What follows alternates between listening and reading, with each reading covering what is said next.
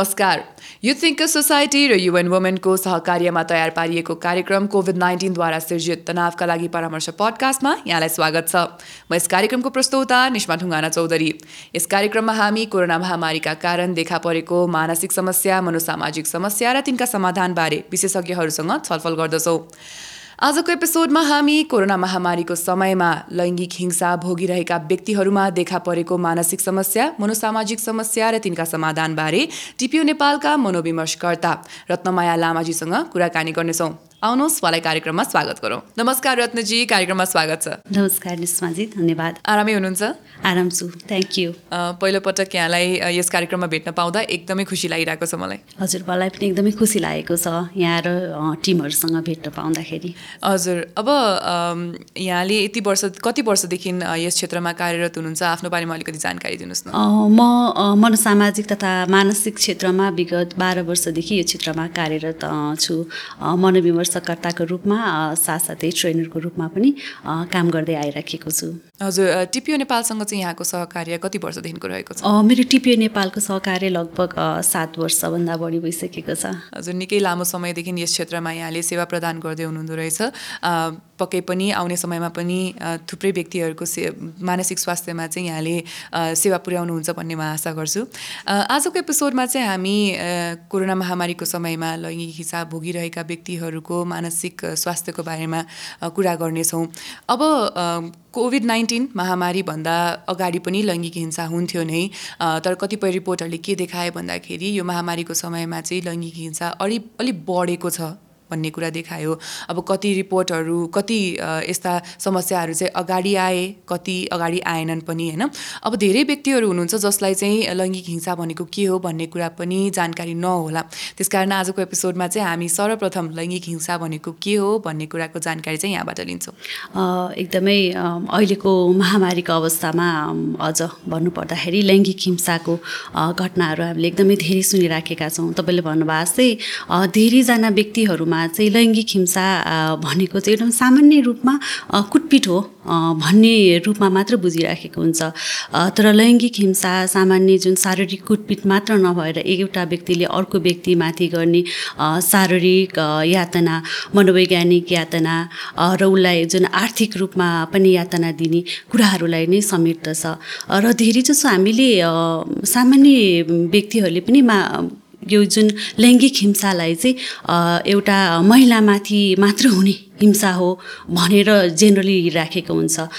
तर लैङ्गिक हिंसा चाहिँ महिलामाथि मात्र नभएर महिला पुरुष बालबालिका अथवा अन्य यौनिक अल्पसङ्ख्यक व्यक्तिहरूमाथि विशेष गरेर उसको लैङ्गिकताको आधारमा भन्नाले यो महिला हो यो पुरुष हो अथवा जुन सामाजिक मूल्य मान्यताको आधारमा महिलाले यो कार्य गर्नुहुन्छ पुरुषले यो कार्य गर्नुहुन्छ अथवा हुँदैन भन्ने कुराहरूलाई लिएर चाहिँ ऊमाथि दिइने यातनाहरू होइन? सामान्य हामीले एकदम सामान्य गाली गलौजदेखि लिएर जुन बलात्कारका कुराहरू होइन बलात्कार को प्रयास गर्ने अथवा यौनजन्य हिंसाहरू गर्ने अथवा उसलाई आर्थिक रूपमा पनि आर्थिक आय उपार्जनमा उसको जुन भनौँ न पहुँचमा जान नदिने र जस्तै अर्को चाहिँ डिसिजन मेकिङ अथवा जुन निर्णयहरूमा महिला अथवा कमजोर व्यक्तिहरूलाई चाहिँ डिसिजन लिनमा अथवा उसको जुन आर्थिक स्वामित्वमा उसलाई वञ्चित गराउने खालका कुराहरूलाई पनि चाहिँ हामीले लैङ्गिक हिंसा अन्तर्गत राख्नु पर्दछ लैङ्गिक हिंसा हो। र यसलाई चाहिँ धेरै जसो जेनरल हामीले सामान्य रूपमा चाहिँ यसलाई नजर वास्ता गरिराखेका हुँदैनौँ। झट्ट हेर्दाखेरि एकदमै कुटपिट भयो अथवा एकदमै बलात्कार भएको छ भने चाहिँ हिंसा हो नत्र भने चाहिँ अरू चाहिँ सामान्य घर झगडा हो। होइन यो चाहिँ घरमा श्रीमान श्रीमती बिच हुने अथवा एउटा पार्टनरले अर्को पार्टनरलाई अलिकति कुटपिट गर्नु अथवा उसलाई जुन आर्थिक रूपमा अथवा उसलाई सामाजिक रूपमा अथवा मनोवैज्ञानिक रूपमा उसलाई यातना दिनु भनेको चाहिँ सामान्य कुरा हो। गाली गर्नु भनेको सामान्य कुरा हो एउटा अभिभावकले अथवा एउटा शिक्षकले भनौँ न। विद्यालयमा बालबालिकाहरूलाई अथवा कुटपिट गर्छ गलोज गर्छ अथवा कतिपय हामीले घटनाहरू पनि सुनिराखेका छौँ नि त होइन? बालबालिकाहरूमाथि यौनजन्य हिंसाहरू उनीहरूलाई उनीहरूको जुन प्राइभेट पार्टहरूमा छुने अथवा उनीहरूमाथि अटेम्प टु रेपको अथवा रेपै गरेका घटनाहरू पनि सुनेका छौँ। यी सबै चाहिँ एउटा जुन लैङ्गिक हिंसा अन्तर्गत चाहिँ रहेको हुन्छ। विशेष गरेर एउटा शक्तिशाली व्यक्तिले अर्को कमजोर व्यक्तिमाथि उसलाई अप्ठ्यारो पर्ने उसको मनोवैज्ञानिक रूपमा उसको शारीरिक रूपमा उसको आर्थिक रूपमा उसको सामाजिक रूपमा उसलाई पछाडि पार्ने अथवा उसलाई चोट पुर्याउने कार्य नै चाहिँ यो अन्तर्गत पर्दछ। र अहिलेको महामारीको अवस्थामा हेर्नु पर्दाखेरि तपाईँले अघि भन्नुभएको जस्तै लैङ्गिक हिंसा अहिले मात्र होइन पहिला पनि थियो। होइन? हरेक समाजमा हुने गरेको छ होइन?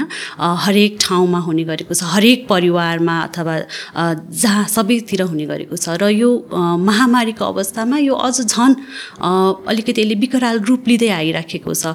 एउटा त अहिलेको अवस्थामा हामी कोभिड उन्नाइसको कारणले गर्दाखेरि यसबाट बच्नका लागि सङ्क्रमणबाट बच्नका लागि घरभित्रै रहने भन्ने एउटा कुरा रहेको छ।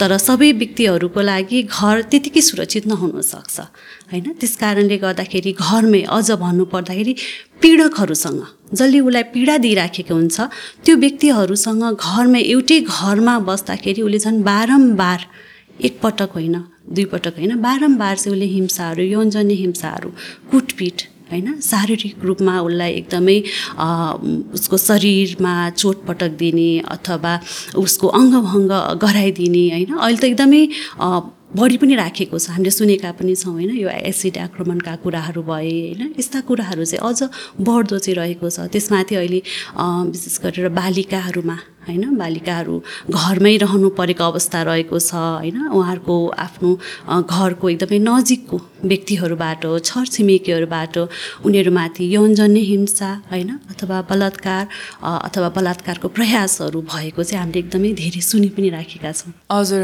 थुप्रै कुरा गर्नुभयो रत्नजीले भर्खरै अब यो लैङ्गिक हिंसा बढ्दो छ भन्ने कुरा त हामीले चर्चा गरि नै हाल्यौँ। यसको कारण चाहिँ के होला अहिलेको समयमा लैङ्गिक हिंसा यसरी बढ्नुको कारण चाहिँ रत्नजीले बताउनु पर्यो। एकदमै निस्माजी जस्तै लैङ्गिक हिंसा बढ्नुको कारण अथवा लैङ्गिक हिंस- हुनुको पछाडि त हामी सबैलाई थाहा भएकै कुरा हो। यो चाहिँ एउटा सामाजिक मूल्य मान्यता लैङ्गिकतालाई लिएर जुन समाजमा रहेको मूल्य मान्यता मान्यता अथवा जुन पितृसत्तात्मक सोच रहेको छ त्यसको कारणले नै हो। अथवा त्यसमा भनौँ न महिलाले यो गर्नुहुन्छ होइन? उसले चाहिँ छोटो कपडाहरू लाउनु हुँदैन। महिला चाहिँ एकदमै नरम हुनुपर्छ सुशील हुनुपर्छ सहनशील हुनुपर्छ। भन्ने कुराहरू र पुरुषले चाहिँ एकदमै कडा हुनुपर्छ ऊ चाहिँ एकदमै लिडरसिप हुनुपर्छ रुनु हुँदैन पुरुष कमजोर हुनु हुँदैन। भन्ने जुन लैङ्गिकतामा महिला पुरुषले यो गर्नुहुन्छ हुँदैन भन्ने जुन हाम्रो सोच रहेको छ त्यो नै एउटा मुख्य कारण हो रहेको छ भने र अहिलेको अवस्थामा हामीले अघि छलफल पनि गर्दै थियौँ होइन महामारीको अवस्थामा चाहिँ के कारणले झन् अझ बढ्दै गएको हो भन्ने कुरामा हुनसक्छ अझै पनि धेरै अध्ययनहरू हुन नै बाँकी छ। र कतिपय अवस्थामा अहिले जुन एउटा उजुरी दिने मेकानिजम भनौँ न रिपोर्टिङ गर्ने मेकानिजममा पनि मान्छेहरूले आउन थालेको कारणले गर्दाखेरि पनि हामीले एकदमै लैङ्गिक हिंसाको रूपहरू स्वरूपहरू देखिराखेका छौँ भने साथसाथै अहिले धेरैजना अघि पनि मैले भनेको थिएँ होइन धेरैजना व्यक्तिहरू जुन घर बाहिर हुनुहुन्थ्यो घर बाहिर सुरक्षित हुनुहुन्थ्यो कतिजना व्यक्तिहरू तर अहिलेको अवस्थामा घरभित्र नै सीमित रहेर बस्नु परेको अवस्थाले गर्दाखेरि जुन उहाँहरूको पीडकहरूसँगको नजिक रहनुपर्ने कारणले गर्दाखेरि पनि अझ विकराल हुँदै गएको अवस्था चाहिँ एउटा रहेको छ। भने अर्को एउटा चाहिँ अहिलेको अवस्थामा है मैले विशेष गरेर अहिलेको अवस्थामा मेरो अनुभवमा अथवा जुन अहिले धेरैजनाले पनि लिएर आइरहनु भएको कुराहरूमा चाहिँ धेरै व्यक्तिहरूले आफ्नो जुन कामकाजहरू जुन पहिलेदेखि उहाँहरूको घरको घर चलाउनका लागि जुन उहाँहरूको जागिर थियो कामहरू थियो अथवा व्यापारहरू थियो यो कुराहरूबाट गर्नमा चाहिँ व्यक्तिहरूले सक्नु भएको छैन। बन्द भएको अवस्था छ। कतिजनाले त जागिर गुमाउनु भएको छ। यो अवस्थामा सबैजना घरमा नै रहेको अवस्था छ त्यहाँनिर द्वन्द्वहरू। सामान्य द्वन्द्वको अवस्थाले पनि परिवारभित्र द्वन्द्वको अवस्थाले गर्दाखेरि पनि जुन अहिले यो हिंसाहरू बढेको छ किन भन्दाखेरि द्वन्द्व हुँदाखेरि मनमुटाव हुँदाखेरि एकअर्काप्रति जुन रिस एग्रेसन को अवस्थाहरू त्यो कसरी प्रस्तुत गर्ने त भन्दाखेरि व्यक्तिले अर्को व्यक्तिलाई शारीरिक रूपमा मानसिक रूपमा चोट पुर्याएर होइन पिटेर अथवा गाली गलोज गरेर अर्कोलाई होच्याएर यो तरिकाबाट पनि अहिलेको अवस्थामा चाहिँ लैङ्गिक हिंसा बढिरहेको चाहिँ छ। र अहिले धेरैजना बालबालिकाहरू किशोर किशोरीहरू जो विद्यालयमा जानुहुन्थ्यो अथवा जो कलेजमा पढ्ने गर्नुहुन्थ्यो उहाँहरू पनि घरमा नै रहनुभएको अवस्था छ। त्यसमाथि अहिले एकदमै धेरै सोसियल मिडियाहरू अनलाइन को प्रयोगहरू भइराखेको छ। यो मार्फतबाट पनि चाहिँ उहाँहरूमाथि जुन इन्टरनेट अनलाइन हिंसाहरू अनलाइनबाट नै हुने हिंसाहरू पनि अ, त्यत्तिकै रहेको अवस्था छ। अनलाइनबाट उनीहरूसँग एकदमै नकारात्मक कुराहरू गर्ने होइन? अथवा त्यहाँनिर जुन लैङ्गिक हिंसाहरू यौन दुर्व्यवहारहरूका कुराहरू होइन? यस्ता कुराहरू पनि चाहिँ अहिलेको अवस्थामा बढ्दो रहेको छ। अब यस्तो विभिन्न किसिमको लैङ्गिक हिंसा भोगिरहेको व्यक्तिहरूको लागि हाम्रो देशव्यापी भनौँ थुप्रै हेल्पलाइन नम्बर्सहरू छन् होइन? राष्ट्रिय महिला आयोगले निकालेको एघार पैँतालिसबाट आएको रिपोर्ट अनुसार चाहिँ त्यो नम्बरमा थुप्रै कल आएको जानकारी उहाँहरूले हामीलाई दिनुभएको छ। अब यहाँले पनि बताउनु भयो जस्तै लैङ्गिक हिंसाको कारणले शरीरमा आउने चोटपटक अथ- अथवा शरीरमा हुने कष्टको बारेमा सबैले कुरा गर्नुहुन्छ तर मानसिक कष्ट मानसिक यातनाको बारेमा चाहिँ चर्चा हुँदैन भन्ने कुरा अघि यहाँले नै बताउनु पनि भयो। यसरी लैङ्गिक हिंसा भोगिरहेको व्यक्तिहरूमा कस्तो किसिमको मानसिक स्वास्थ्य सम्बन्धी समस्या आउँछन्? विशेष गरेर लैङ्गिक हिंसामा परेका व्यक्तिहरू महिला बालबालिका तथा अन्य यौनिक समूहका व्यक्तिहरूमा चाहिँ अ, मनोवैज्ञानिक रूपमा उहाँहरूको भावनात्मक रूपमा उहाँहरूलाई जस्तै एकदमै गिल्ट अथवा सेमका कुराहरू चाहिँ यो सबै व्यक्तिहरूमा उस्तै किसिमका हुन्छन्। होइन विशेष गरेर यो जुन लाज अथवा गिल्टका कुराहरू चाहिँ जुन हाम्रो लैङ्गिकतालाई लिएर जुन समाजमा रहेको मूल्य मान्यतासँग एकदमै जोडिएको छ नजिक छ त्यो कारणले गर्दाखेरि पनि यसले गर्दाखेरि व्यक्ति एकदमै भित्रभित्र उसलाई एकदमै धेरै समस्या भइराखेको हुन्छ। किनभने व्यक्तिले यस यो घटना म माथि भयो अथवा भनौँ न यौन दुर्व्यवहार भयो बलात्कार भयो अथवा म माथि चाहिँ जुन एटेम्प टु रेप भनौँ न बलात्कारको प्रयास भएको कारणले गर्दाखेरि समाजमा मैले कसरी अनुहार देखाउने अथवा एउटा इज्जतसँग लगेर जोडेको कारणले गर्दाखेरि नि व्यक्तिमा एकदमै धेरै त्यो लाजको अथवा मैले गर्दा गिल्ट म नगएको भए यस्तो हुँदैन थियो होला। अथवा मेरो गल्ती होला भन्ने खालको उसको मनमा पर्न जान्छ। र साथसाथै यो सबैजना लैङ्गिक हिंसा प्रभावितहरू व्यक्तिहरूमा चाहिँ अर्को चाहिँ तनावको अवस्था होइन? पक्कै पनि यो एकदमै सङ्कटको घडी हो उसको लागि त लैङ्गिक हिंसामा पर्नु भनेको होइन?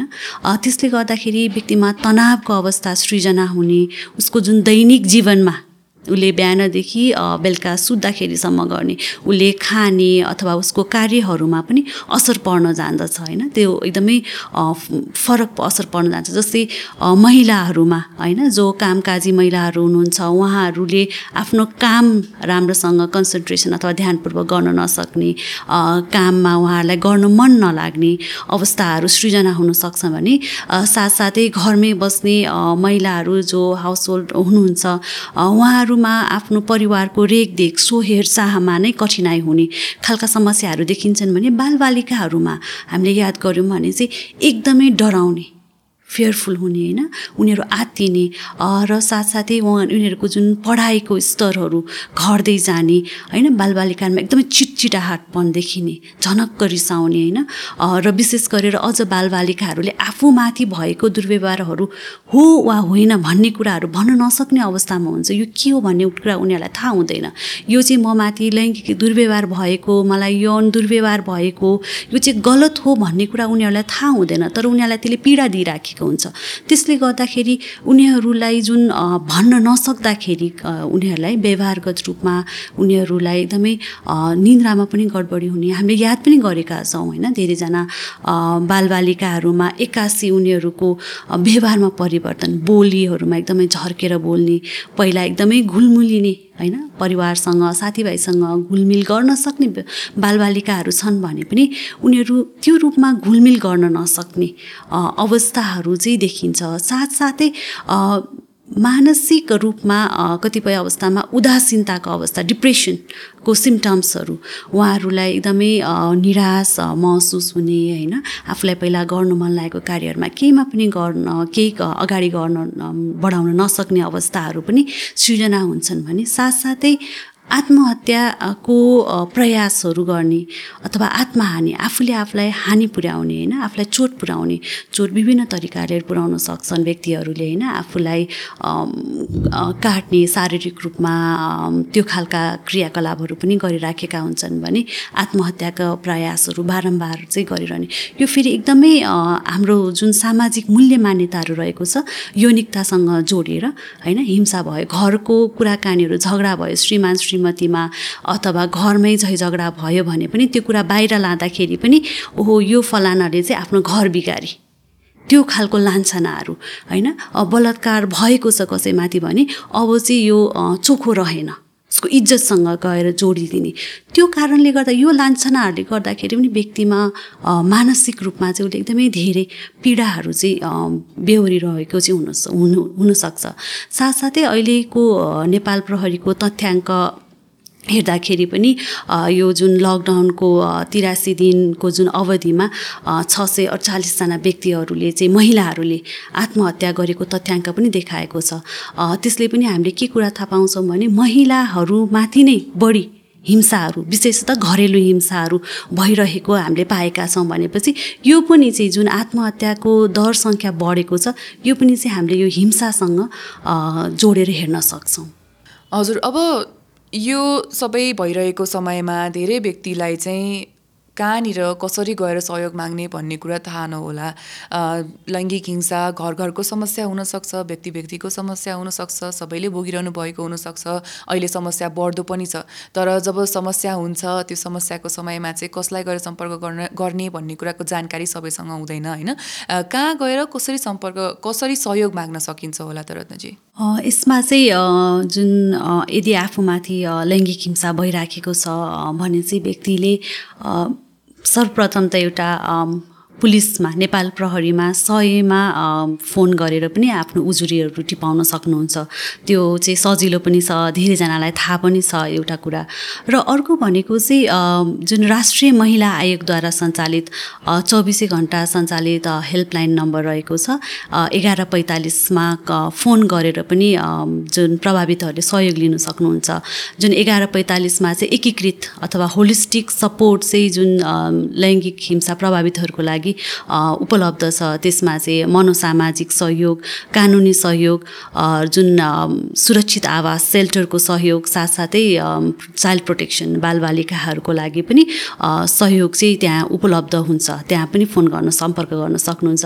साथसाथै विशेष गरेर बालबालिकालाई नै केन्द्रित गरेर बालबालिकाहरूको समस्यालाई एड्रेस गर्ने हिसाबले चाहिँ जुन धेरैजना बालबालिकाहरूलाई थाहा पनि होला र कतिलाई थाहा पनि नहोला दस नौ आठमा पनि उहाँहरूले आफ्नो लाई भइराखेको कुराहरू टिपाउन सक्नुहुन्छ होइन? कुरा सेयर गर्न सक्नुहुन्छ। त्यहाँबाट उहाँहरूलाई सेवाहरूमा जुन लिङ्केज गराइदिने जोडिदिने काम कार्यहरू र उहाँहरूलाई सुरक्षित रेस्क्यु गर्ने कामहरू पनि त्यहाँ कार्यहरू पनि त्यताबाट हुन्छ।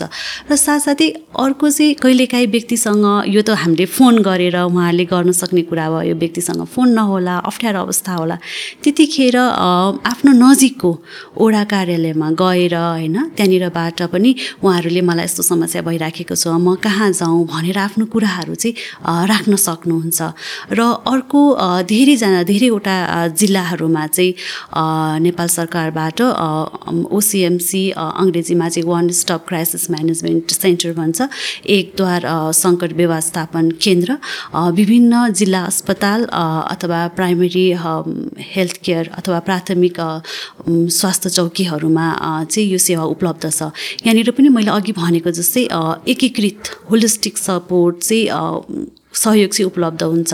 जस्तै भनौँ न कसैलाई चोटपटक लागेको छ उहाँको उजुरी उजुरी दिनुपर्ने छ कानुनी सहयोग चाहिएको छ उहाँलाई सुरक्षित आवासको आवश्यक छ भन्यो भने नि ए यो सेवा केन्द्रहरूबाट चाहिँ उहाँहरूलाई सेवा उपलब्ध गराउने अथवा त्यहाँ उपलब्ध छैन भने पनि अन्य सेवासँग जोड्ने काम चाहिँ हुन्छ। र कहिलेकाहीँ यदि के पनि थाहा छैन होइन? बिर्स्यो अथवा आफूलाई परेको बेलामा सङ्कट भएको बेलामा कहाँ जाने के गर्ने भन्ने कुरा थाहा भएन भने पनि आफ्नो नजिकको व्यक्तिहरूलाई भन्ने र जुन महिला स्वयंसेविकाहरूलाई धेरै जानकारीहरू रहेको हुन्छ उहाँहरूसँग सम्पर्क गरेर म कहाँ जाउँ कहाँबाट सहयोग लिउँ भनेर पनि लिन सक्नुहुन्छ। र अहिले त हाम्रो स्थानीय तहमा हाम्रो गाउँघरमा होइन महिला समूहहरू थुप्रै रहेको छन् बाल क्लबहरू रहेको छ होइन। यहाँबाट पनि चाहिँ आफूले कहाँनिर जाउँ भनेर चाहिँ सोध्न अथवा सम्पर्क गर्न सक्नुहुन्छ। रत्नजी आफ्नो समस्याको बारेमा खुलेर बोल्नु त्यति सजिलो हुँदैन होइन? अब झन् लैङ्गिक हिंसाको बारेमा बोल्नलाई त झनै सजिलो हुँदैन। चाहे त्यो जुनसुकै उमेरको व्यक्ति होस् जुनसुकै यौनिक समुदायको व्यक्ति होस् उहाँहरूलाई खुलेर घरमा यस्तो समस्या भइरहेको छ मेरो जीवनमा यस्तो समस्या भइरहेको छ भन्ने कुरा बताउन त्यति सहज हुन्छ जस्तो लाग्दैन। त्यसकारण उहाँहरूलाई यस्तो समस्याको बारेमा खुलेर बताउनको लागि चाहिँ हामीले कसरी प्रोत्साहन गर्न सक्छौँ जति पनि सम्पर्क गर्ने नम्बरहरू यहाँले बताउनु भयो संस्थाहरूको नाम बताउनु भयो उहाँहरूसम्म पुर्याउनलाई चाहिँ हामीले कसरी सहयोग गर्न सक्छौँ होला? एकदमै महत्त्वपूर्ण कुरा उठान गर्नुभयो निस्माजी लैङ्गिक हिंसा भनौँ न जुन एकदमै सेन्सिटिभ विषयवस्तु रहेको छ। र विशेष गरेर हाम्रो समुदायमा हाम्रो जस्तो समुदायमा चाहिँ लैङ्गिक हिंसा भएमा आफ्नो माथि दुर्व्यवहार भएमा कुटपिट भएमा अथवा कसैले गल गाली गरोज गरेमा अथवा एकदमै भनौँ न बलात्कारकै कुराहरूलाई पनि एकदमै लुकाएर राखिने चलन रहेको छ। यो समा सामाजिक जुन हाम्रो संस्कार रहेको छ जुन मूल्य मान्यता रहेको छ त्यसको त्यसले गर्दाखेरि चाहिँ व्यक्तिहरूले यो चाहिँ भन्नु हुँदैन। भन्यो भने लाज हुन्छ। भन्ने कुराहरूले गर्दाखेरि पनि लुकाएर राख्छन्। तर लैङ्गिक हिंसा आफूमाथि भएको दुर्व्यवहारहरू चाहे त्यो शारीरिक दुर्व्यवहार होस् चाहे त्यो मनोवैज्ञानिक रूपमा गरिने दुर्व्यवहारहरू होइन अथवा आर्थिक रूपमा आफूलाई वञ्चित राख्ने अथवा आफ्नो जुन एउटा निर्णयको अधिकारहरू खोसिने यस्ता कुराहरू चाहिँ कुनै पनि व्यक्तिले सहन हुँदैन। होइन? यसमा एउटा नै भनाइ पनि छ होइन? त जिरो टलरेन्स होइन त्यो चाहिँ एकदमै असह्य कुरा हो भन्ने कुरा चाहिँ हामी सबैले बुझ्न चाहिँ जरुरी छ। र अर्को चाहिँ हाम्रो जस्तो समुदायमा किन आउँदैन त? भन्दाखेरि एउटा त गोपनीयताको भङ्ग हुन्छ कि भन्ने डर होइन? मैले कसैलाई भनेँ भने अरूलाई सुनाइदिएला मेरो परिवारको अथवा मेरो आफ्नो इज्जत जान्छ भन्ने एउटा डर रहेको हुन्छ भने अर्को कुरा चाहिँ व्यक्तिहरूलाई थाहा नै हुँदैन। त्यसै कारणले अघि पनि हामीले छलफल गऱ्यौँ होइन। कुन कुन निकायबाट सहयोग लिन सक्छ भन्ने कुराहरूमा हामीले अघि नै छलफल हामीले सेयर गरिसकेका छौँ। र लैङ्गिक हिंसा भएमा आफूमाथि दुर्व्यवहार भएमा यातना भएमा चाहिँ सहयोग परिपाटी छ है। होइन मैले सहनु हुँदैन म एक्लै छुइनँ है मैले यो सहनुपर्छ भन्ने छैन।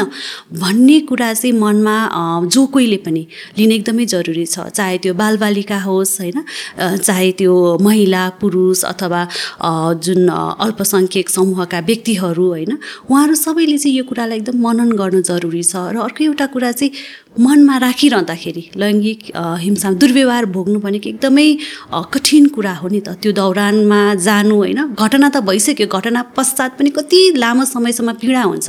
त्यो पीडा सहिरहनु भनेको कति गाह्रो कुरा छ त। तर त्यो कुरालाई कतै भन्दाखेरि आफ्नो नजिकको व्यक्तिहरू आफूलाई विश्वास लाग्ने व्यक्तिहरूलाई भन्दाखेरि मन पनि हल्का हुन्छ है। सहयोग पनि पा प्राप्त हुन्छ। भन्ने कुरा चाहिँ एकदमै मनन गर्न र बुझ्न जरुरी छ र हिंसालाई चाहिँ हामी कसैले पनि सहनु पर्दैन। सहनुलाई यो हामीले जुन अहिले हामीले एकदमै बालबालिकाहरूले अथवा महिलाहरूले अथवा पुरुषहरूले अथवा वृद्ध व्यक्तिहरूमाथि पनि हिंसा भइरहेको छ। उहाँले पनि सहनु पर्दैन। उहाँहरूको यसलाई सुन्ने निकायहरू छन् कोही छैनन् कहीँ जानु मन लागेन। कतिपय अवस्थामा व्यक्तिलाई भन्नु मन लाग्दैन भने ठिक छ तर आफूलाई विश्वास लाग्ने व्यक्तिहरूलाई चाहिँ भन्नु जरुरी छ। कतिपय अवस्थामा चाहिँ हामीले अघि छलफलमा गरेका कुराहरूमा पनि सेवा प्रदायक निकायहरूमा गोपनीयता नरहला कि भन्ने डर पनि हुन्छ। तर सबै निकायहरूले चाहिँ जसले तपाईँको जानकारीहरू चाहिँ गोप्य राखिदिने गर्छन् त्यो कारणले त्यहाँसम्म चाहिँ पुग्न एकदमै जरुरी छ। हामीले समु सामुदायिक रूपमा अथवा परिवारको रूपमा अथवा यहाँहरू नै पनि मनोविमर्शकर्ताको रूपमा कसरी प्रोत्साहन गर्न सकिन्छ भन्ने कुरा त यहाँले बताइ नै हाल्नुभयो। तर जुनै पनि समस्यामा सबैभन्दा पहिला सर्वप्रथम चाहिँ आफैले आफ्नो सहयोग गर्नुपर्ने हुन्छ होइन? त्यसकारण अहिले अहिलेको समयमा लैङ्गिक हिंसा भोगिरहनु भएको व्यक्तिहरूले व्यक्तिगत तौरमा चाहिँ के गर्न सक्नुहुन्छ आफ्नो स्वहेरचाह कसरी गर्न सक्नुहुन्छ उहाँले अलिकति बताइदिनुहोस् न। हजुर एकदमै जुन लैङ्गिक हिंसामा पर्नुभएका व्यक्तिहरूले आफ्नो ख्याल राख्न सो हेरचाह राख्न चाहिँ एकदमै जरुरी छ। र अर्को एउटा महत्त्वपूर्ण कुरा भनेको चाहिँ लैङ्गिक हिंसामा प्रभावित अथवा जो एकचोटि परिसक्नु भएको छ कतिपय अवस्थामा घरेलु हिंसामा भनौँ अथवा जुन आफ्नो इन्टिमेट पार्टनरहरूले अथवा धेरै अ, जना व्यक्तिहरूमा चाहिँ एकपटक मात्र नभएर बारम्बार त्यही व्यक्तिबाट चाहिँ बारम्बार उहाँहरूलाई दुर्व्यवहार भइराखेको शारीरिक तथा मानसिक अथवा अ, यौन दुर्व्यवहारहरू भइरहेको चाहिँ हुन्छ। त्यस्तो अवस्थामा व्यक्तिले आफूले नै आफूलाई तपाईँले पनि भन्नुभयो होइन आफ्नो चाहिँ सेल्फ हेल्प चाहिँ एकदमै जरुरी छ। र त्यसको लागि सर्वप्रथम चाहिँ जहिले पनि आफूलाई सुरक्षित राख्नलाई होइन? आफू कसरी सुरक्षित रहने त? फेरि पनि आफूमा दुर्व दुर्व्यवहार हुने अथवा आफूलाई यातना हुने सम्भावना छ भने त्यो नहुन दिनलाई आफूले कस्तो खालका उपायहरू अप्नाउनु सक्नुहुन्छ त भन्ने कुरा चाहिँ व्यक्तिले ख्याल गर्नु जरुरी छ। उदाहरणको लागि आफूमाथि दुर्व्यवहार हुँदैछ भने त्यहाँबाट कसरी उम्कने त? होइन? आफूलाई कसरी बचाउ गर्ने? भन्ने कुरामा चाहिँ व्यक्तिले आफ्नो सेफ्टी मेजर्सहरू आफ्नो कसलाई फोन गर्ने? होइन कसलाई सम्पर्क गर्ने भन्ने कुराहरूमा चाहिँ क्लियर हुनुपर्छ। हुनसक्छ आफन्तलाई हुनसक्छ अथवा पुलिसलाई हुनसक्छ अथवा अन्य कुनै सरकारी तथा गैर सरकारी संस्थाहरूसँग सम्पर्क गरेर पनि आफूलाई सुरक्षित राख्ने एउटा कुरा भयो भने मनोसामाजिक तथा मानसिक रूपमा आफूलाई पीडा भइराखेको छ कठिनाइ भइराखेको छ भने त्यस्तो बेलामा चाहिँ आफ्नो शारीरिक रूपमा मानसिक रूपमा भावनात्मक विशेष गरेर आफ्नो भावनात्मक रूपमा चाहिँ ख्याल गर्न एकदमै जरुरी छ। त्यसको लागि आफ्नो दैनिकीलाई होइन घटना त भइसक्यो होइन त्यो घटनालाई कानुनी रूपमा अगाडि जाने अथवा प्रक्रियालाई अगाडि बढाउने त्यो छुट्टै पाटो छँदैछ। त्यो कुराहरूमा पनि अगाडि बढ्न व्यक्तिले सक्नुहुन्छ अथवा गर्न आवश्यक पनि पर्छ। त्यसलाई निरन्तरता दिँदै आफ्नो शारीरिक रूपमा आफ्नो सरसफाइका कुराहरू भयो आफ्नो खानपानका कुराहरू यो कुराहरूलाई चाहिँ ख्याल राखेर नियमित रूपमा होइन कस्तो खालको आफूलाई क्रियाकलापहरू चाहिँ मनपर्छ कसै कसैलाई एकदमै अहिले त योगाहरू गर्ने होइन अथवा कसैलाई एकदमै नाचगान गर्ने आफूलाई एकदमै कतै गएर घुमेर रमाइलो गर्दाखेरि बाहिर निस्किँदाखेरि पनि मनलाई हल्का हुन्छ। हुनसक्छ सबै व्यक्तिलाई एउटै किसिमको कुराले हल्का हुन्छ भन्ने छैन। सबै व्यक्तिहरूमा फरक फरक हुन्छ। हामी सबैजना फरक छौँ होइन। आफूलाई कुन कुराहरू अप्नाउँदाखेरि चाहिँ आफूलाई मन हल्का हुन्छ आफूलाई सजिलो हुन्छ त्यो उपायहरू लाई अवलम्बन गरेर अगाडि बढ्न चाहिँ एकदमै जरुरी छ। र दोस्रो कुरा भनेको चाहिँ जस्तै धेरै जसो लैङ्गिक हिंसामा परेका व्यक्तिहरूले चाहिँ आफ्नो शरीरलाई अझ खानपानहरूमा पनि उहाँहरूले त्यति ध्यान दिइराख्नु भएको हुँदैन। तर त्यो कुराहरूमा पनि एकदमै ध्यान दिन जरुरी छ। र अर्को चाहिँ हामीसँग धेरै उपायहरू हुन्छन् होइन? तर व्यक्तिले जब आफूलाई अप्ठ्यारो पर्छ त्यतिखेर के गर्ने के गर्ने भन्ने कुरा चाहिँ एकदम अन्यलमा हुन्छ। थाहा भएका उपायहरू पनि अप्नाउन नसकेको अवस्थाले गर्दाखेरि गाह्रोमाथि झन् गाह्रो थपिन जान्छ। त्यो कारणले गर्दाखेरि आफूलाई यदि गाह्रो भइराखेको छ भने एकछिन रोकेर ए मलाई गाह्रो भइराखेको छ अहिलेको अवस्थामा।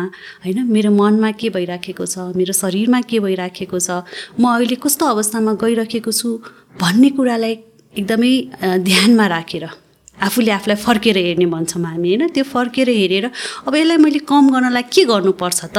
भन्ने उपायहरूतिर लाग्दा चाहिँ एकदमै सजिलो हुन्छ व्यक्तिलाई।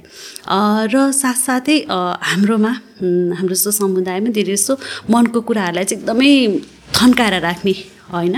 अझ केले गर्दाखेरि तिमीलाई यो टेन्सन अथवा हामी एकदम सामान्य उसमा चाहिँ टेन्सन भयो अथवा तनाव भयो भने केले गर्दाखेरि भयो भने लैङ्गिक हिंसा अथवा म माथि दुर्व्यवहार भयो म माथि यौन दुर्व्यवहार भयो यसले गर्दाखेरि भन्ने त व्यक्तिले त्यो त भन्नु सक्ने अवस्थामै भएन।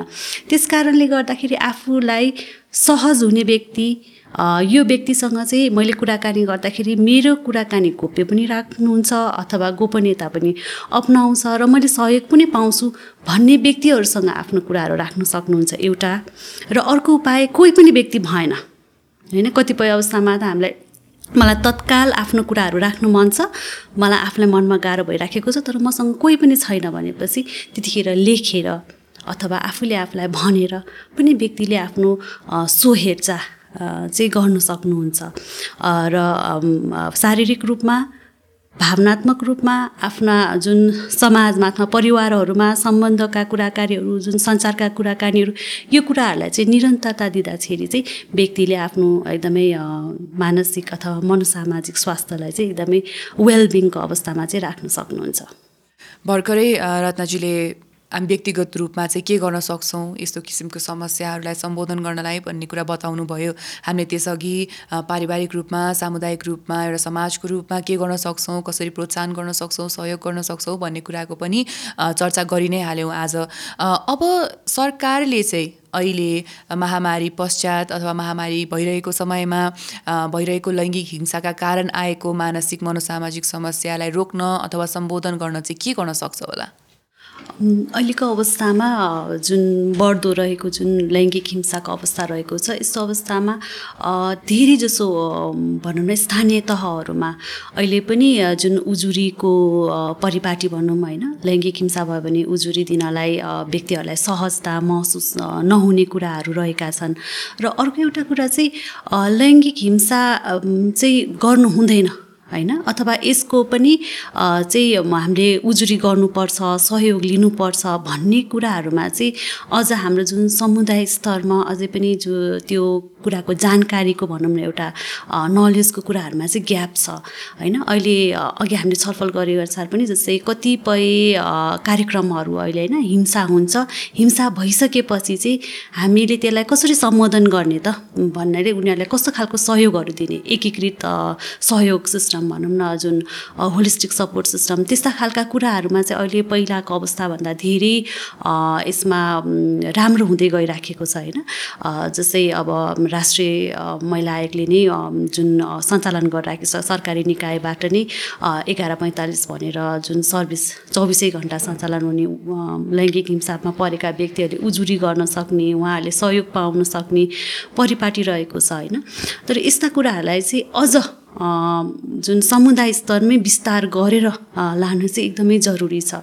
कतिपय अवस्थामा जति पनि सेवाहरू रहेका छन् जति पनि उजुरी परिपाटीहरू रहेका छन् त्यो चाहिँ जुन केन्द्रीय स्तरमा मात्र रहेका छन् होइन? अझै दूरदराजका क्षेत्रहरूमा त यो पुग्न सकेकै छैन। अझ लैङ्गिक हिंसा भनेकै के हो यस्तो पनि उजुरी हुन्छ र यो पनि गर्नु नहुने कुरा हो र यो चाहिँ सामान्य कुरा हो भन्ने जुन परिपाटी छ त्यसलाई चाहिँ तोड्न एकदमै जरुरी छ। र यसमा चाहिँ जुन एउटा रोकथामको विषयलाई लिएर प्रिभेन्सनको कुरालाई लिएर चाहिँ जुन सरकारी निकायहरूले चाहिँ अझ थप कार्यक्रमहरू तर्जुमा गर्न जरुरी छ। भनौँ न अहिले जुन विद्यालय स्तरमा। विद्यालय स्तरमा बालबालिकाहरूलाई नै किनभने भोलि हिंसा अहिले हामीले यसो हेर्दै जाँदाखेरि पनि जुन बलात्कारका कुराहरू बालिकाहरूमा अझ बढ्दै गइराखेको छ यो किन भन्दाखेरि उनीहरूलाई थाहा भएन होइन? आफूमाथि यो चाहिँ हिंसा हो भन्ने कुरा उनीहरूलाई थाहा नहुने उनीहरूलाई नलेजै नभएको ज्ञानै नभएको कुराले गर्दाखेरि पनि कतिपय अवस्थामा हिंसा हुने र हिंसा गर्ने। होइन? हिंसा गर्ने व्यक्तिहरू पीडकले पनि यो चाहिँ गलत कुरा हो यो चाहिँ मलाई कानुनी रूपमा कारवाही हुन्छ। यो चाहिँ एउटा अपराध हो भन्ने कुराहरूको जुन मनन उहाँहरूको प्रवृत्तिमा नै परिवर्तन लिएर आउन खालका कार्यक्रमहरू चाहिँ सरकारी तौरबाट गर्न एकदमै जरुरी छ। र अहिले लगभग धेरैवटा जिल्लाहरूमा जुन एकद्वार सङ्कट व्यवस्थापन ओसिएमसीको का रहेको छ होइन त्यसलाई अझ मजबुत रूपमा त्यसको सेवाहरूलाई बढाएर लान एकदमै जरुरी छ। र धेरै जसोमा चाहिँ कस्तो खालको रहेको छ भने हिंसा उजुरी गर्यो र उजुरी गर्यो भन्दैमा उसको सबै समस्या समाधान हुँदैन। होइन? व्यक्तिलाई उसको सुरक्षाको लागि उसको मनोसामाजिक सुस्वास्थ्यको लागि होइन? साथसाथै उसलाई भोलि त्यही परिवारमा गएर त्यही समाजमा फर्केर बस्नुपर्ने हुन्छ। त्यो जुन रिइन्टिग्रेसनको पाटोहरूमा यो सबै कुराहरूमा चाहिँ सरकारी निकायको एकदमै ध्यान जान जरुरी छ। र जुन पोलिसीगत हिसाबमा हाम्रो कानुनहरू एकदमै राम्रो रहेको छ होइन? एकदमै हिंसालाई चाहिँ जिरो टलरेन्सको अथवा कानुनी कारवाहीहरूको कुराहरू एकदमै स्ट्रङ रहेको छ तर त्यसलाई इम्प्लिमेन्टेसनको लेभलमा चाहिँ यसलाई अझ कडाइका साथ लानलाई चाहिँ एकदमै जरुरी रहेको छ। र हिंसाकोमा चाहिँ जस्तै बालबालिकाको हकमा अथवा महिलाहरूको हकमा जुन अपाङ्गता भएका व्यक्तिहरूको हकमा कहिलेकाहीँ उहाँहरूको विभिन्न व्यक्तिहरूको विभिन्न उहाँहरूको आवश्यकताहरू रहेको हुन्छ विभिन्न मुद्दाहरू रहेका हुन्छन् होइन? ती व्यक्तिहरूलाई चाहिँ उहाँहरूको समस्यालाई इङ्गित गर्ने हिसाबका जुन कार्यक्रमहरू तर्जुमा गर्दै लान र अझ थप अनुसन्धानहरू होइन थप कार्यक्रमहरू गर्न चाहिँ लिएर आउन चाहिँ एकदमै महत्त्वपूर्ण रहेको छ। पक्कै पनि रत्नजी जति पनि कुराहरू यहाँले बताउनु भयो यदि सरकारले चाहिँ यस्ता पूर्वाधारहरू दिए भने यदि यस्ता सेवा सुविधाहरू सरल रूपमा प्रत्येक ठाउँमा जिल्ला जिल्लामा यदि यस्तो सेवाहरू सुविधाहरू पुग्यो भने लैङ्गिक हिंसा भोगिरहेका व्यक्तिहरूलाई उहाँहरूको जति पनि मानसिक समस्याहरू हुन्छ मनोसामाजिक समस्याहरू हुन्छ त्यसलाई सहज बनाउन चाहिँ सहयोग पुर्याउँछ नै। अब हामी हाम्रो कार्यक्रमको अर्को भागतर्फ लाग्नेछौँ।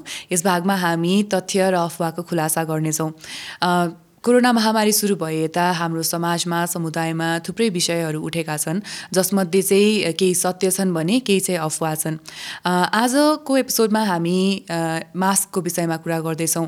धेरै व्यक्तिहरूले चाहिँ समुदायमा के के कुराहरू निकालिरहनु भएको छ भन्दाखेरि कोरोना को लागि मास्क लगाउनु पर्दैन। कोरोना रोक्नको लागि मास्क लगाउनु पर्दैन। हातलाई साबुनले धोएर साबुन पानीले धोएर अथवा सेनिटाइजर लगाए पुग्छ भन्ने किसिमको कुरा चाहिँ अहिले समुदायमा चलिरहेको छ। के यो तथ्य हो? वा अफवा? विश्व स्वास्थ्य सङ्गठनका अनुसार मास्क लगाउनाले जुन कोभिड उन्नाइसको सङ्क्रमणबाट खोक्दा र हाँच्यु गर्दा सर्ने सङ्क्रमणलाई सीमित पार्दछ र साथै मास्क लगाउनाले एक एउटा सङ्क्रमित व्यक्तिबाट अर्को व्यक्तिमा सर्नलाई कम यसले कम गराउँदछ र मास्कलाई जहिले पनि जुन एकचोटि प्रयोग गरिसकेका मास्कहरूलाई पुनः प्रयोग गर्न हुँदैन। त्यसलाई चाहिँ जुन बन्द भाँडाहरू जुन फोहोर फाल्ने विसर्जन गर्ने भाँडाहरूमा चाहिँ राख्न जरुरी छ। र यदि सङ्क्रमितका लक्षण देखिएका व्यक्तिहरूको नजिक नरहने र र रहँदाखेरि पनि कम्तीमा पनि एक मिटरको दूरी कायम गर्न एकदमै जरुरी रहेको हुन्छ। र कतिपय मास्कहरू चाहिँ हामीले पुनः प्रयोग गर्न मिल्ने खालका मास्कहरू पनि हुन्छन्। ती मास्कहरूलाई हामीले राम्रोसँग धोएर त्यसलाई फेरि पुनः प्रयोग गर्न सक्नुहुन्छ। र साथसाथै मास्क प्रयोग गर्दा यदि मास्क ओसिलो भएमा त्यो मास्कलाई चाहिँ हामीले तुरुन्त परिवर्तन गर्न चाहिँ जरुरी रहन्छ। मास्क लाउन एकदमै जरुरी छ। त्यसका साथसाथै हामीले सुरक्षाका अन्य उपायहरू जस्तै हात धुने दूरी कायम गर्ने कुराहरू पनि चाहिँ अवलम्बन गर्न सक्छौँ। भनेपछि रत्नजी यो अफवाह हो। हजुर। अब हामी हाम्रो कार्यक्रमको अर्को भागतर्फ लाग्नेछौँ। यो भागमा हामी हाम्रो दर्शक श्रोताहरूको लागि हरेक एपिसोडमा मानसिक स्वास्थ्यलाई सहज बनाउनको लागि कुनै कुनै न कुनै व्यायाम छोडेर जान्छौँ। आज रत्नजीले हामीलाई कुन व्यायाम सिकाउँदै हुनुहुन्छ? मैले आज पुतली अङ्कमाल सिकाउँदैछु। हजुर। यसको फाइदाहरू के के छन् त? यसको फाइदा चाहिँ विशेष गरेर हामी जब तनावमा रहिराखेका हुन्छौँ त्यतिखेर हाम्रो मन अथवा हाम्रो सोच चाहिँ स्थिरमा रहेको हुँदैन। र त्यसलाई वर्तमान अवस्थामा लिएर आउनलाई स्थिरमा लिएर आउनलाई चाहिँ यसले मद्दत पुर्याउँदछ। र कहिलेकाहीँ हामीलाई एकदमै भावनात्मक रूपमा कठिन भइराखेको बेलामा हामी एकदमै भावविहोल भइराखेका हुन्छौँ होइन? एकदम आत्तिराखेका हुन्छौँ। त्यतिखेर पनि आफूलाई जुन वर्तमान अवस्थामा लिएर आउनलाई चाहिँ यसले मद्दत पुर्याउँदछ। हजुर अब सुरु गरौँ त्यसो भए एकदमै। म पनि गर्छु यो व्यायाम। हजुर एकदमै। यो व्यायाम सुरु गर्नलाई चाहिँ आफू सहजसँग बस्ने होइन? र यसको नामै पुतली अङ्कमाल रहेको छ। आफ्नो हातलाई चाहिँ दुवै हातलाई यसरी बुढी औँला दुइटा जोडेर हाम्रो हातलाई दाहिने हा हातलाई देब्रे छातीमा देब्रे हातलाई दाहिने छातीमा राखेर यसरी ठ्याक्क देखिरहनु भएको होला। क्रस यसरी राख्ने। र यसरी राखिसकेपछि कतिपय व्यक्तिहरूलाई चाहिँ यसरी छातीमा राख्दाखेरि असहज हुनसक्छ। होइन? अ, व्यक्ति पछि फरक हुन्छ व्यायामहरू गर्दाखेरि। आफूलाई कता राख्दाखेरि सहज हुन्छ त्यो चाहिँ आफैले पत्ता लगाएर गर्नुपर्ने हुन्छ होइन? जस्तै कसैलाई यसरी राख्दा सहज हुनसक्छ अथवा कसैलाई कुममा यसरी राख्दा सहज हुनसक्छ कसैलाई फेरि घुँडामा राख्दा सहज हुनसक्छ होइन? अ, निस्माजी तपाईँले अहिले जहाँ सहज लाग्छ त्यही राख्न सक्नुहुन्छ। मैले चाहिँ यसरी नै देखाएँ अहिलेलाई। र यसको लागि चाहिँ एकैछिन हामीले पहिला लामो सास लिने र लामो सास फाल्ने फेरि एकचोटि।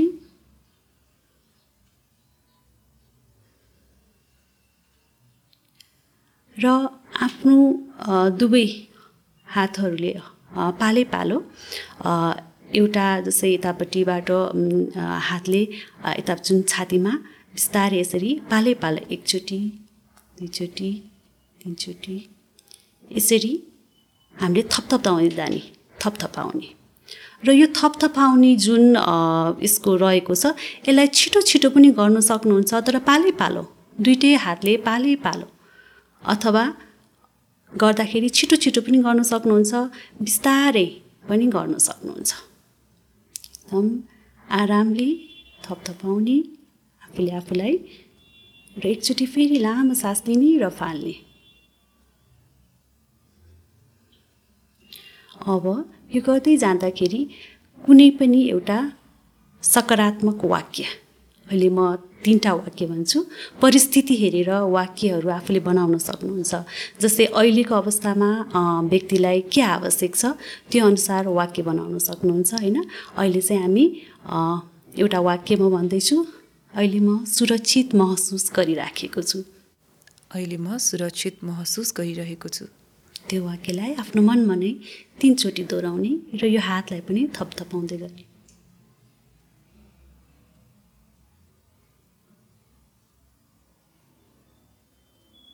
अर्को वाक्य म आफूले आफूलाई माया गर्छु। मनमा नै भन्न सक्नुहुन्छ तिनचोटि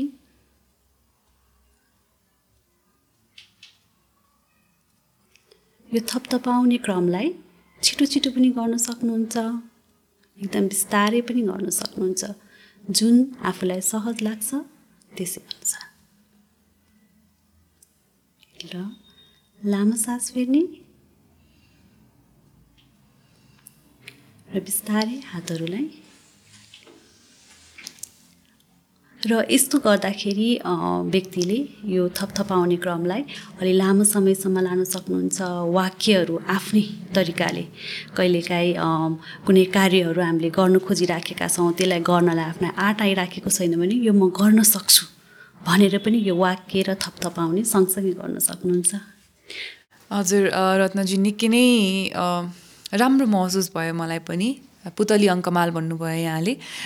यो गरेर चाहिँ आफैले आफैलाई एक किसिमको साथ दिए जस्तो पनि महसुस हुँदो रहेछ।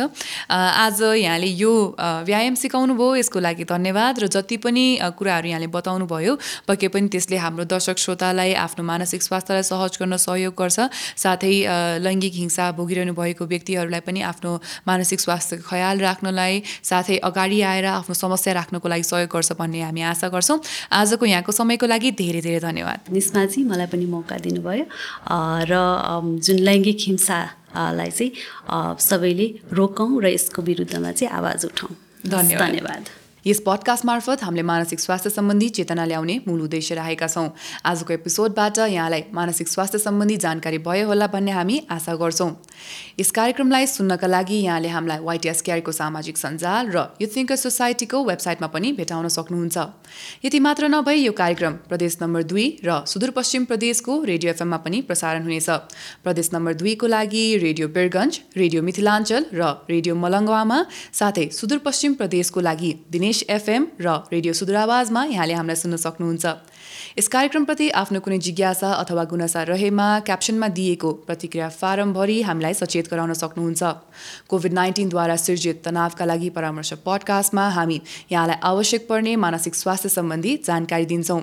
आउने एपिसोडहरूमा हामी मानसिक समस्या मनोसामाजिक समस्या त्यसका बारेमा प्रश्नहरू जिज्ञासाहरूको बारेमा विशेषज्ञहरूसँग छलफल गर्नेछौँ। त्यसकारण सामाजिक सञ्जाल मार्फत हामीसँग जोडिरहनु हुन यहाँहरूमा आग्रह छ। यदि यहाँहरूलाई कुनै मानसिक अथवा मनोसामाजिक समस्या भएमा यहाँले डिपिओ नेपालको टोल फ्री नम्बरमा सम्पर्क गरेर मद्दत माग्न सक्नुहुन्छ। डिपिओ नेपालको टोल फ्री नम्बर रहेको छ एक छ छ शून्य एक शून्य दुई शून्य शून्य पाँच। यो सेवा बिहान आठ बजेदेखि बेलुका छ बजेसम्म उपलब्ध छ। थप यहाँहरूले कोसिस नेपालको टोल फ्री नम्बरमा पनि सम्पर्क गरेर मद्दत माग्न सक्नुहुन्छ। प्रदेश नम्बर दुईको लागि उहाँहरूको नम्बर रहेको छ एक छ छ शून्य तिन तिन पाँच दुई शून्य एक एक। सुदूरपश्चिम प्रदेशको लागि उहाँहरूको नम्बर रहेको छ एक छ छ शून्य एक शून्य पाँच छ सात एक पाँच। बागमती प्रदेशको लागि उहाँहरूको नम्बर रहेको छ एक छ छ शून्य एक दुई दुई तिन दुई दुई। आत्महत्या रोकथामको लागि मानसिक अस्पताल लगनखेलको नम्बर रहेको छ एक एक छ छ। यी सबै सेवाहरू निशुल्क छन्। यति भन्दै आजको पडकास्टबाट म निष्मा चौधरी यहाँहरूबाट बिदा माग्न चाहन्छु। नमस्ते।